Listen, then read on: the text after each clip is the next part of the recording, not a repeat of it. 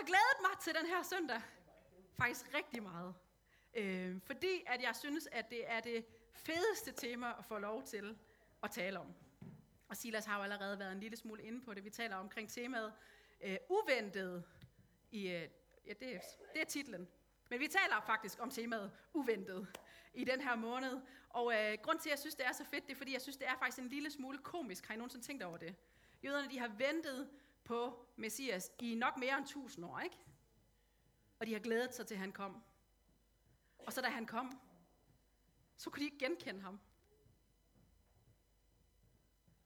Da han endelig kom, ham som de havde ventet på i mere end 1000 år. Der er ikke nogen af os, der har prøvet at vente på noget i 1000 år. Det havde de selvfølgelig heller ikke. Det var over generationer, ikke også? Da, de så endelig, da han så endelig kom, så kunne de ikke genkende ham. Hvorfor ikke? Fordi han så anderledes ud, end de havde forventet. Han så uventet ud. De havde forventet én ting, men han kom som noget andet, ikke? Og øh, det kan vi godt sådan lidt, en lille smule grine af i dag. Men sandheden er jo, hvis vi sådan skal se indad, det er, at det sker jo for os hele tiden, det her. Er det ikke rigtigt? Det sker jo for os. Det var det, Silas han prædikede om første søndag i advent, ikke? At øh, vi tror, at Jesus han kom med religion, men det han egentlig tilbyder er relation, ikke? Så vi kommer til at kigge igennem det, de der briller, der hedder religionens briller, og så fatter vi ikke, hvad det er, han siger til os. Vel? Det var det, han prædikede om. Det er ikke det, jeg skal prædike om i dag. Øh, jeg tror, det hænger rigtig meget sammen med det her med, hvorfor er det, at vi ikke kan genkende, når Jesus han så kommer og står lige foran os, så fatter vi ikke, at det er ham. Øh, det hænger rigtig meget om, sammen med, at, øh, at Jesus han vender verden på hovedet. Ikke? Vi tror én ting, og så er det i virkeligheden noget andet. Han siger, de mindste skal blive de første. Nej, de mindste skal blive de største, de sidste skal blive de første. Elsk din næste som dig selv. Giv, så skal der gives dig. Ikke? Det vender jo voldsomt meget på hovedet i forhold til, hvad vi sådan lige er vant til. Den verden, vi lever i, er vant til. Det er ikke det, det, er ikke det styresystem, vi opererer ud fra. Vi opererer ud fra, øh, det gælder om at komme først i køen, og højst op ad karrierestigen, og øh, du ved, få en fed bankbånd, hvad hedder sådan noget? Bankbog, tak. Øh, få sparet så meget som muligt sammen. Det handler om at samle til sig. Det handler om at komme først, ikke? Det er rigtig meget af det styresystem, som verden opererer på. Det fungerer sådan. Er det rigtigt? Ja. Er I, er I derude? Fedt. Godt, godt, godt, godt. Men Jesus, han vender det hele på hovedet, og det er jo derfor, at det så tit kommer til at vende forkert ind i vores hoveder også, ikke? Guds rige er kommet nær, siger han. Ikke? Det siger han i Markus kapitlet. Det siger han sikkert flere steder. Guds rige, tiden er inde, Guds rige er kommet nær, omvendt jeg tro. Ikke? Og så samtidig så beder vi fader vor om, kom i dit rige. Ikke? Så han er her allerede, men vi beder også om, at han skal komme. Det er det der sådan paradoks i, at vi lever i en verden, som vi er en del af. Det kan vi ikke rigtig komme ud af om. Men så er der det her Guds rige, som vi også gerne vi beder om, skal komme. Guds rige skal komme nær. Øhm, og det er bare to vidt forskellige ting. Så hvordan kommer Guds rige nær? Er det noget, som sådan på magisk vis drysses ud over os, sådan ved juletid?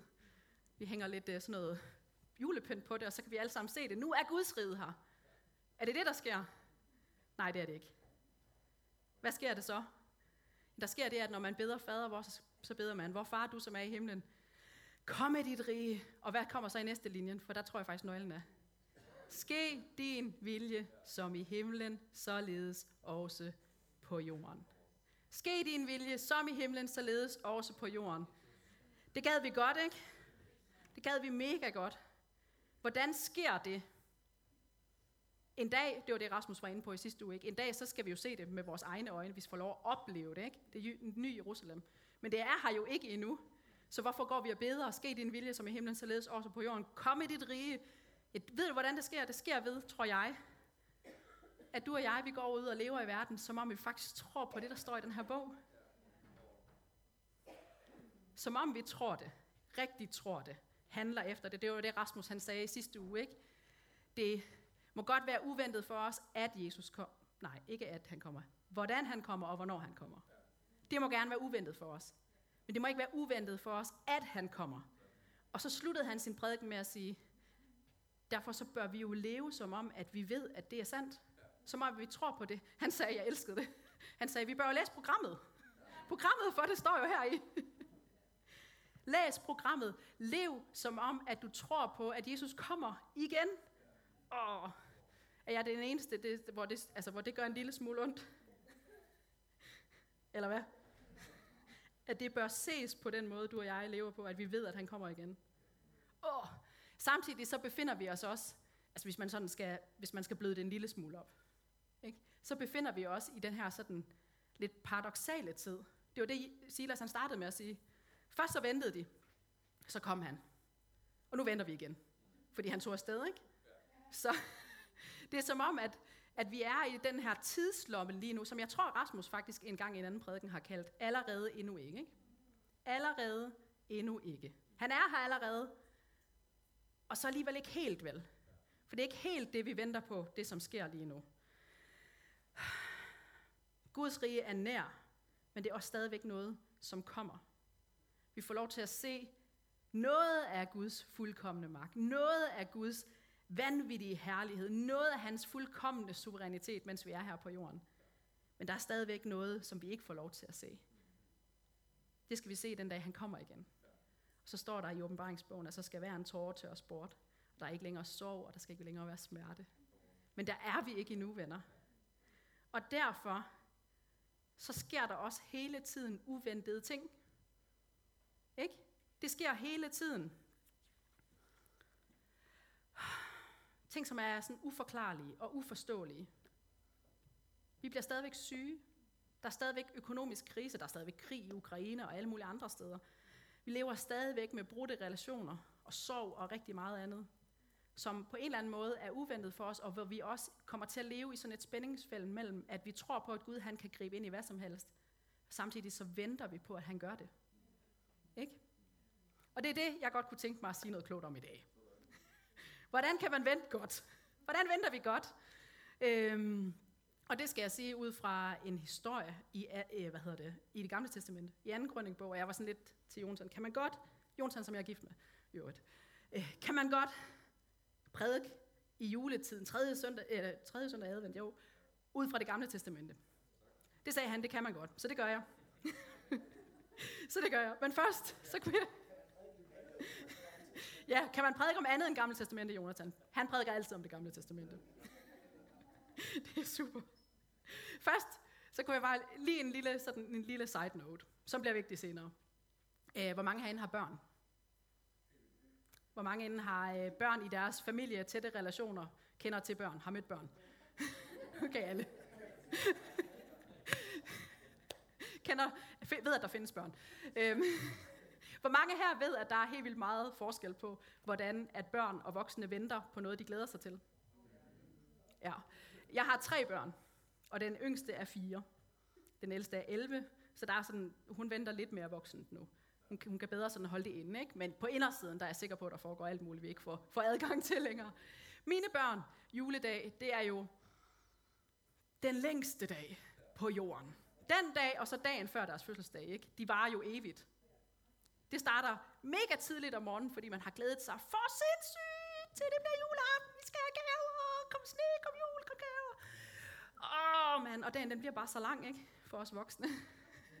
fordi... Sorry, nu hoster jeg lige, Michael. Er du der? øhm, jeg er ligesom alle jer andre, ikke? Man har altid lidt en tusse i halsen på den her tid af året. Mine børn, de glæder sig vanvittigt til juleaften. Så det er jo hele dagen. Hvornår er det? De venter kun på, at man får sat sig ned omkring det der bord, og man får tæsket den der flæskesteg indenbords. Åh, oh, mand, der er også en mandelgave, som er fuldstændig ligegyldig for mig, og den skal vi også vente på. Der skal også ventes på, at der bliver vasket op inden, fordi sådan er det i min familie, ikke også? Hjemme hos min mor og far, der bliver der vasket op. Og så spiser man en risalemang. Og så bliver der vasket op igen. Åh, oh, mine børn, de er ved at dø over det, ikke også? Virkelig ved at dø over det. Og øh, så når vi er færdige med det, så skal vi også tænde et juletræ. Vi skal også gå rundt om juletræet og synge nogle sang. Det er sjovt i én sang, ikke? Og så holder det op med at være sjovt, for de kan alligevel ikke ordene, og den mindste kan ikke læse, vel, så hun kan ikke følge med. Åh, man kan bare se de der julegaver, de ligger lige der. Åh, hvorfor får vi ikke lov at åbne dem? Og så forløsningen, ikke?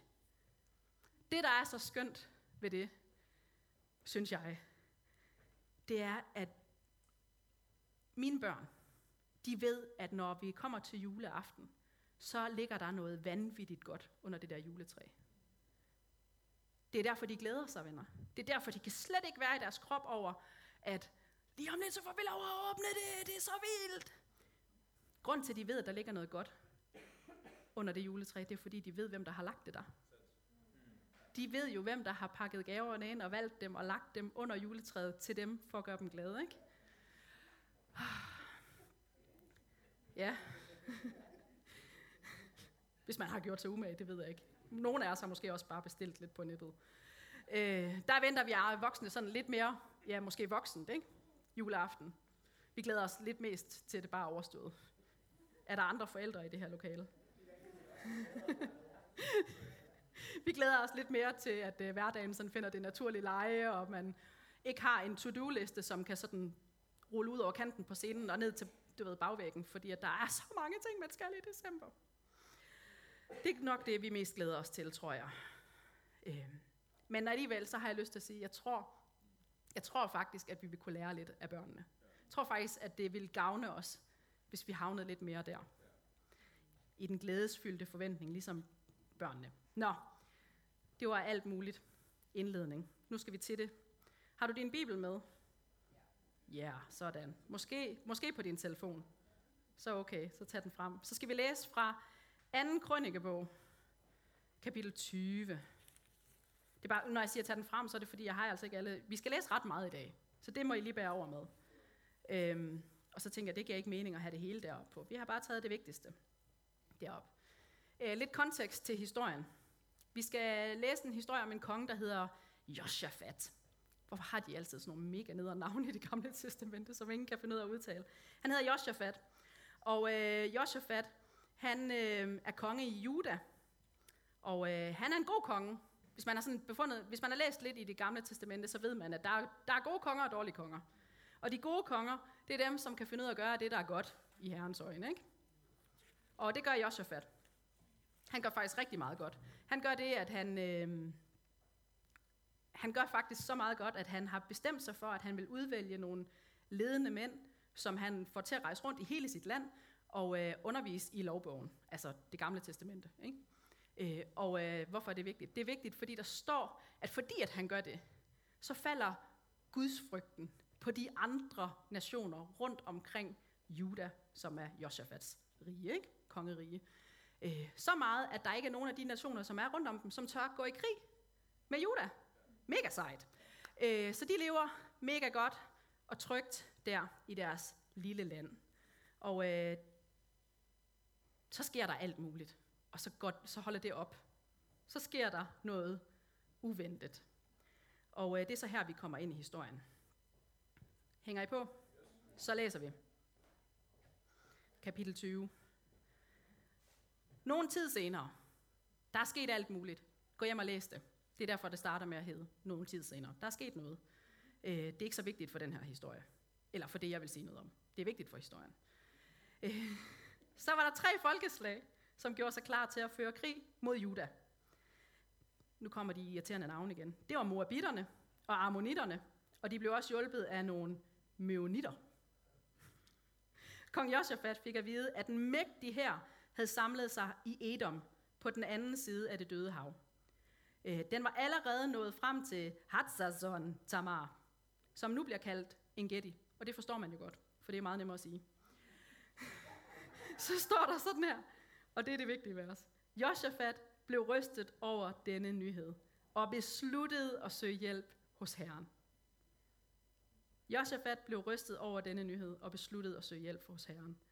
Vi læser lidt videre. Derfor udråbte han en faste i hele Juda.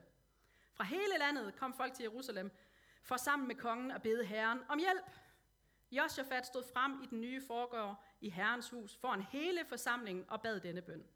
Herre, vores fædres Gud, du som hersker i himlen og over alle jordens riger, du som har den højeste magt, ingen kan besejre dig.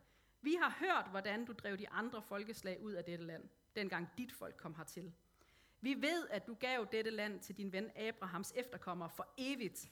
Her slog dit folk sig ned og byggede dette tempel for dig, og dengang sagde de, hvis der kommer en ulykke over os, hvad enten det er fjendehære, pest eller hungersnød, som der jo tit gør i dagens Danmark, hvad enten det er økonomisk krise, sorg eller død, så vil vi komme til dette tempel, hvor du bor. bede dig om hjælp, så du kan gribe ind og redde os. Se nu, vi bliver angrebet af en stor her fra Ammon, Moab og Seers bjerge. Det er de folkeslag, som du ikke tillod vores forfædre at udrydde på vej op fra Ægypten. Derfor gik de en bue udenom dem og lod dem være. Se nu, hvad de gør til gengæld. De er kommet for at jage os ud af det land, du har givet os i eje. Åh Gud, må du stanse dem. Vi står magtesløse over for så mægtig en her, og vi ved ikke, hvad vi skal gøre, men vi stoler på din hjælp. Vi ved ikke, hvad vi skal gøre, men vi stoler på din hjælp. Amen. Josafat blev rystet over denne nyhed og besluttede at søge hjælp hos Herren. Han har lige opdaget, at der er tre herrer, som har samlet sig imod ham. Og de er allerede sådan lige, der står, de er i Tamar. Det er sådan lige i udkanten af Juda. Lige ved det røde, øh, ikke det røde hav, det døde hav.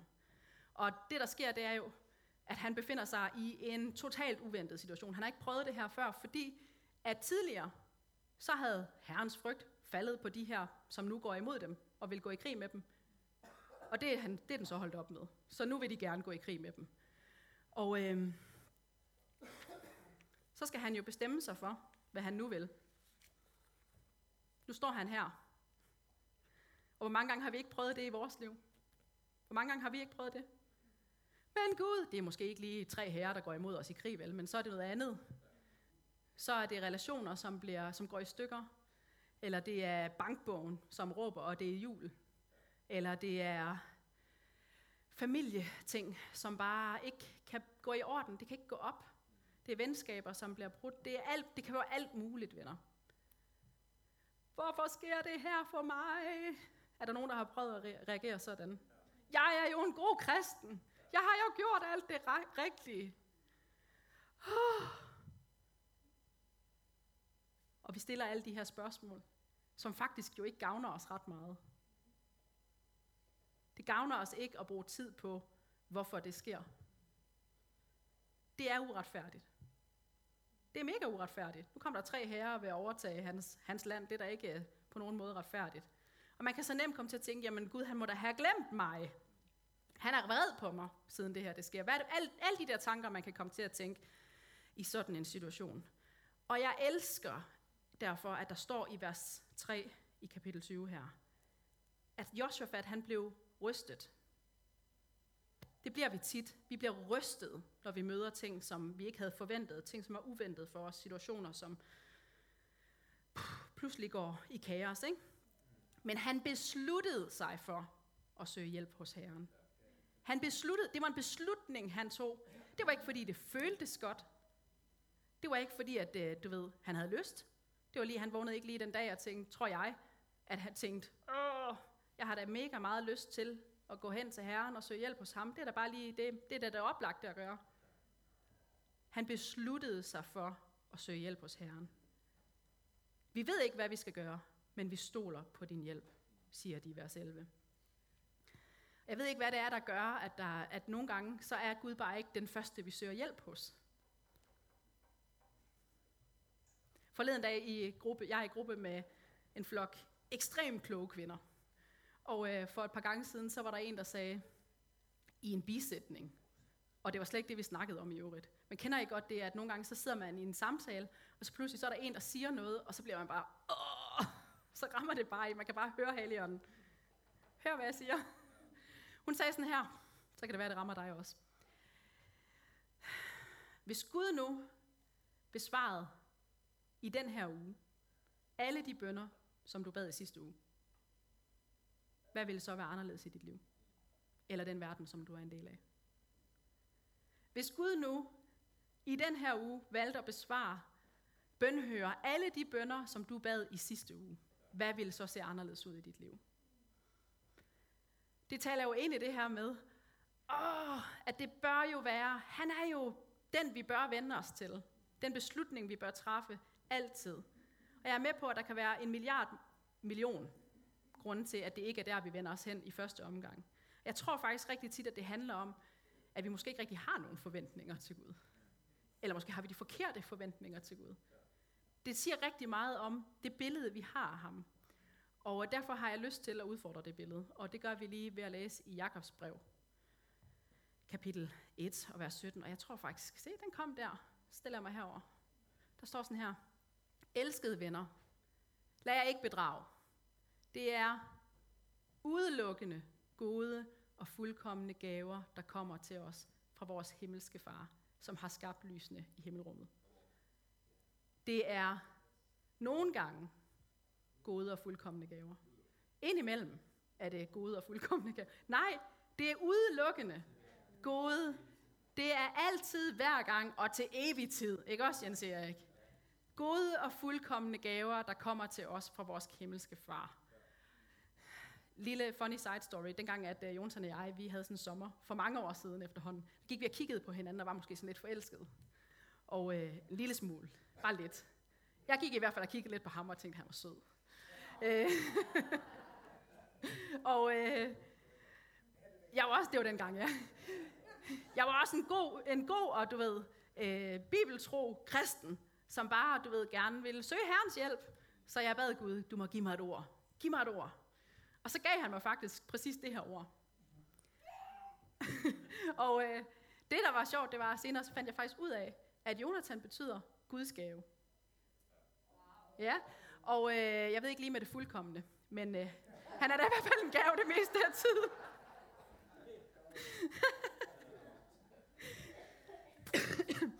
jeg elsker det her skriftet, fordi det taler ind i den der glædesfyldte forventning, vi faktisk får lov at have, når vi tror på Gud. Vi, vi kan faktisk godt være ligesom vores børn, uanset hvad der kommer imod os af ulykke og uventede ting og sager, så har vi lov til at sige, min himmelske far, han giver mig udelukkende gode gaver. Ja. Yeah. Så pointe nummer et, og jeg har tre, så vi må hellere speede lidt op, det er, søg din hjælp hos Herren. I virkeligheden så burde der måske stå, beslut dig for at søge din hjælp for Herren. Også når det gør ondt, også når det ikke føles godt, også når øh, at krisen den krasser en lille smule. Okay, er I med på, at vi læser lidt videre? Der er gode ting her i nemlig. Vi læser fra vers 13 af. De har lige stået her og sagt, vi står magtesløse over for Samægdien her, vi ved ikke, hvad vi skal gøre, men vi stoler på din hjælp. Så står der sådan her. Alle Judas mænd stod foran Herrens tempel med deres koner og børn. Der kom Herrens ånd over Jahaziel, en af levitterne fra Asafs slægt. Lyt til mig, kong Josafat, og alle Judas og Jerusalems indbyggere, råbte han. Herren siger, vær ikke bange. Lad jer ikke skræmme af denne mægtige her, for det er ikke jeres kamp, men Guds. I morgen skal I rykke frem mod dem. De kommer af vejen op til Sits, og I vil kunne se dem for enden af dalen, der fører ud til Jeruels ørken. I skal ikke kæmpe mod dem, men blot tage opstilling og se på, at Herren giver sejr. Judas og Jerusalems indbyggere, vær ikke bange og tab ikke modet. I morgen skal I gå dem i møde, og Herren vil være med jer. Jeg læser det lige igen, for jeg føler slet ikke, at det fik den respons, som det, som det burde. Herren siger, vær ikke bange. Lad jer ikke skræmme af denne mægtige her, for det er ikke jeres kamp, men Guds. Amen. Prøv lige at forestille dig at være i en situation, hvor man ser tre herrer komme imod en. Ikke? Man ved, de er lige på grænsen ind til ens kongerige. Og lige om lidt, så dør vi, fordi vi ved, at den her her, den er alt for mægtig til, at vi kan klare den selv. Og så kommer forløsningen gennem et ord. Herren siger, vær ikke bange,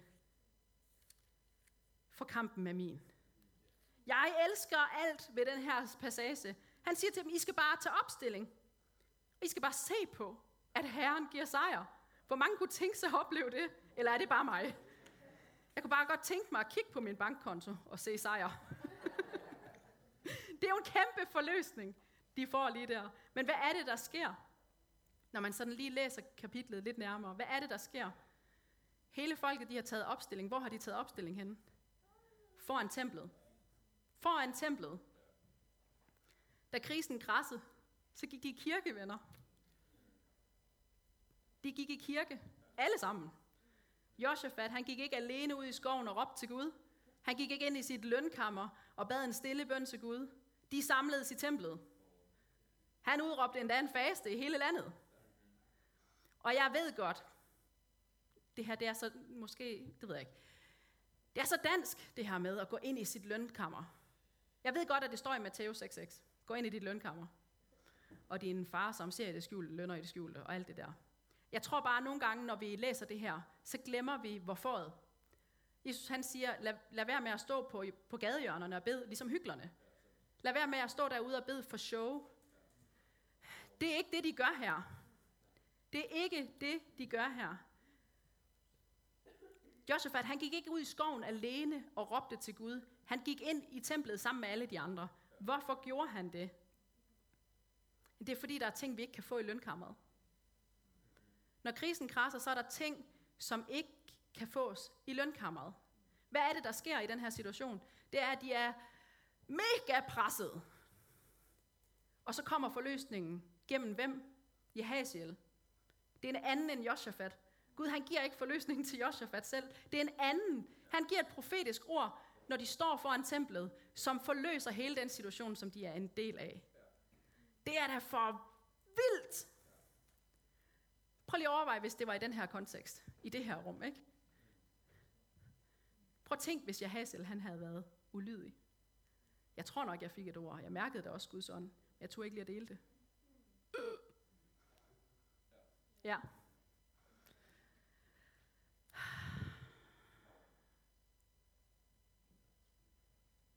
Det bør være sådan, når man træder ind over dørtrinnet på det her sted, at så er håbet mærkbart. Fordi vi ved, at Gud han er større end en hvilken som helst situation, vi møder på den her side af evigheden. Og vi ved, at vi skal leve, om end vi dør, venner. Ja. Samtidig så er vi også mennesker, ikke? Og det er derfor, vi har brug for hinanden, ikke? Det er jo derfor, at det ikke er nok, at man går ud i, ind i sit lønkammer eller ud i skoven og råber, whatever floats your boat. Jeg kan rigtig godt lide skoven. Det er, og jeg siger heller ikke, at man ikke skal gøre det. Jeg siger bare, det kan ikke stå alene. Det kan ikke stå alene. Og øhm, de ting, som vi går og siger til hinanden, når vi er i det her rum, og andre steder i øvrigt, uanset faktisk hvor vi er henne, det betyder faktisk noget. Det er ikke ligegyldigt, hvad vi siger til hinanden. Det er ikke ligegyldigt, hvad for et sprog vi taler til hinanden. Og her snakker jeg ikke om russisk og kinesisk. Men det sprog, der er et sprog, der hører Guds rige til. Ikke? Og det er vigtigt, at når vi kommer sammen i det her fællesskab som det her, at så, øh, så bruger vi det, så aktiverer vi det. Og jeg har faktisk, bare for at det ikke er bare mig, der står og finder på det, så har jeg også taget skriftet med på det. Det kommer her. Det er fra ordsprogenes bog. Og der står sådan her, gode ord giver mad i huset. Mad i huset, Bethlehem. De rette ord giver fremgang i livet. Tungen er nøglen til et godt eller et dårligt liv. I 92-versionen, der står der, liv og død er i tungens vold. Øh, liv og død er i tungens vold. Det betyder noget. De ord, vi taler til hinanden, de skaber liv, venner.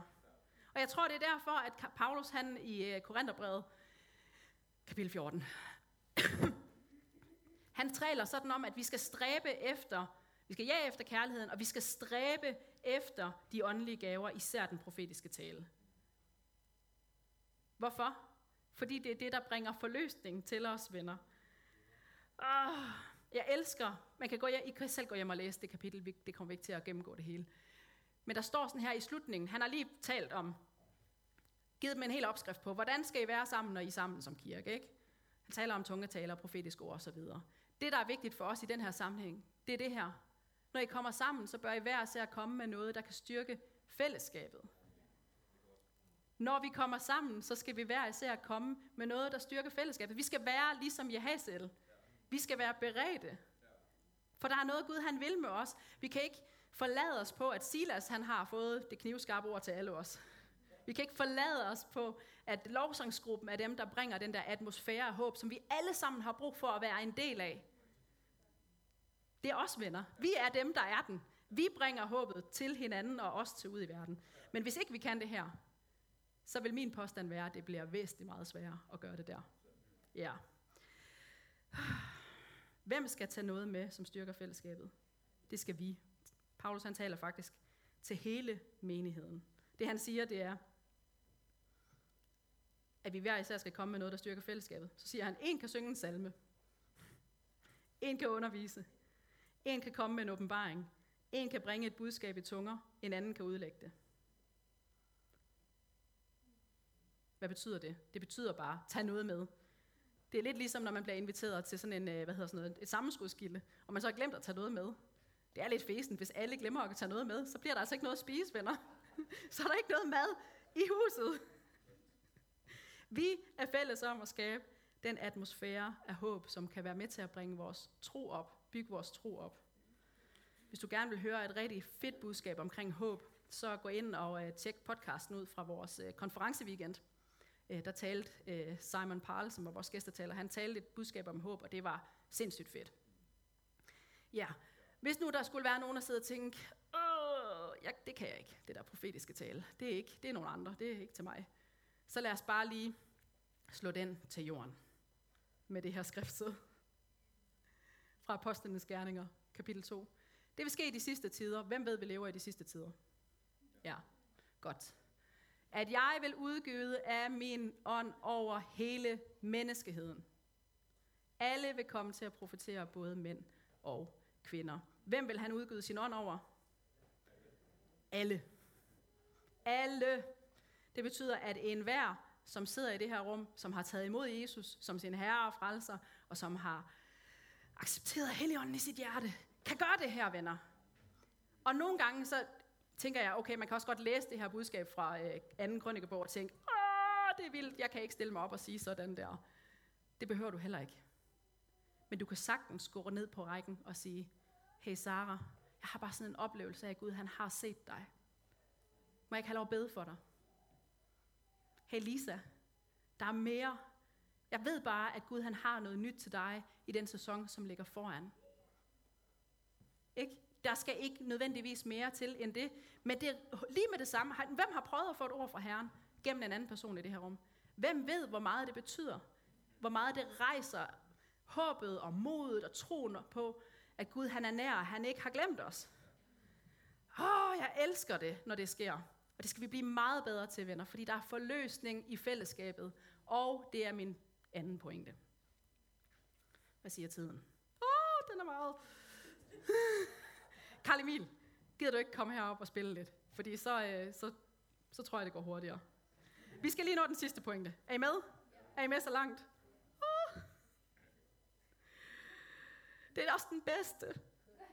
Det er bare fordi, fra en lovsangsleders øh, synspunkt, så er det her bare guf. Og det, jamen, det er guf, og der er så meget øh, potens i det her. Ja. Øh, de har lige fået et profetisk ord. I morgen skal I gå dem i møde, og Herren vil være med jer.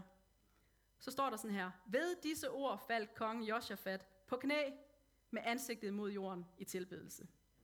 Og Judas og Jerusalems indbyggere gjorde det samme.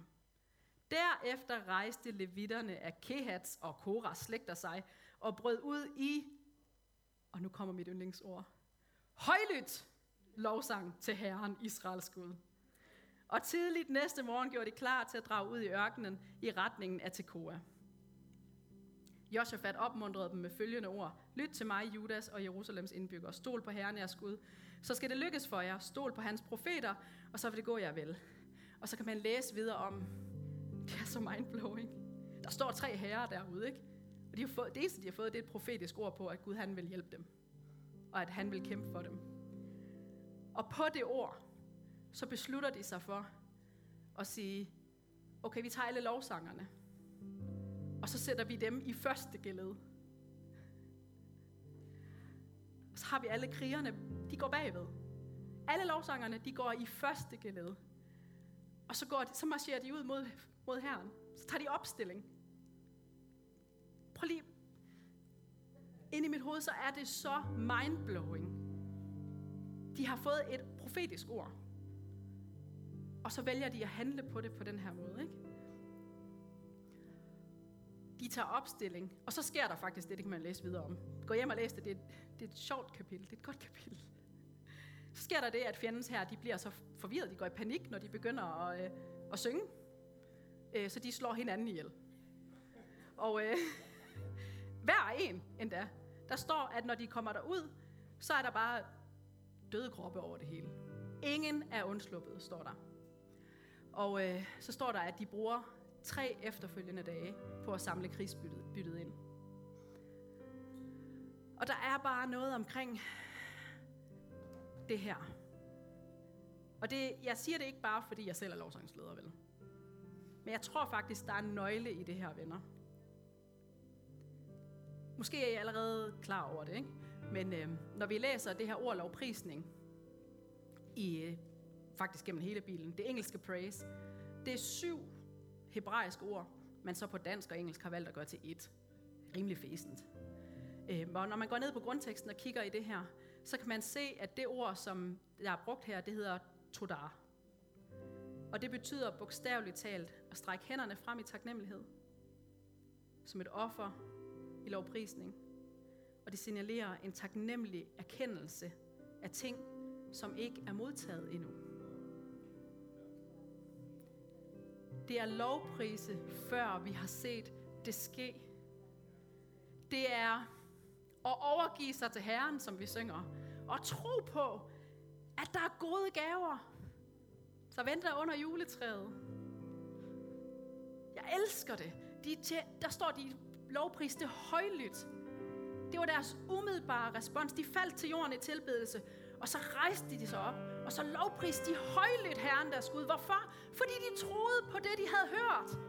Fordi de troede det ord, som Jahasel han havde fået. Fordi de vidste, at der kommer udelukkende gode og fuldkommende gaver fra Herren. De vidste, hvem der havde lagt gaverne under juletræet, venner. Ah. Jeg ved det godt, at vi ved det ikke altid.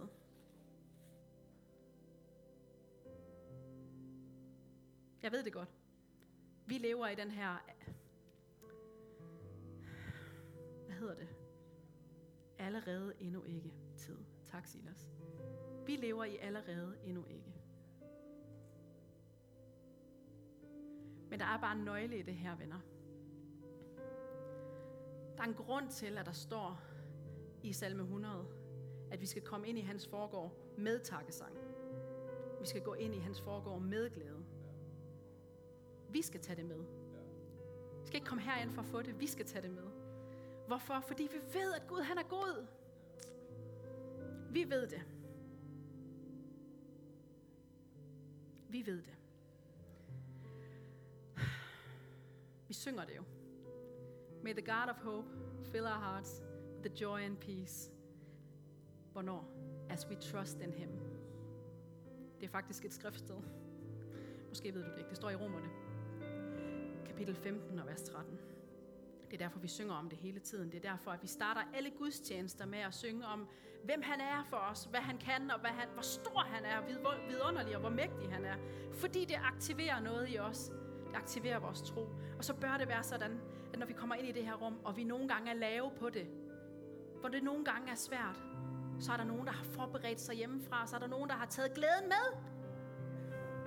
Og så giver vi det til hinanden, kunne vi ikke godt stræbe efter at være sådan et sted, hvor det sker hver eneste søndag, hvor det bliver så mærkbart, at Gud han er her, fordi at vi er en flok her, som ved det, at Gud er her. Selv når vi ikke lige kan se det. Selv når vi ikke lige kan mærke det.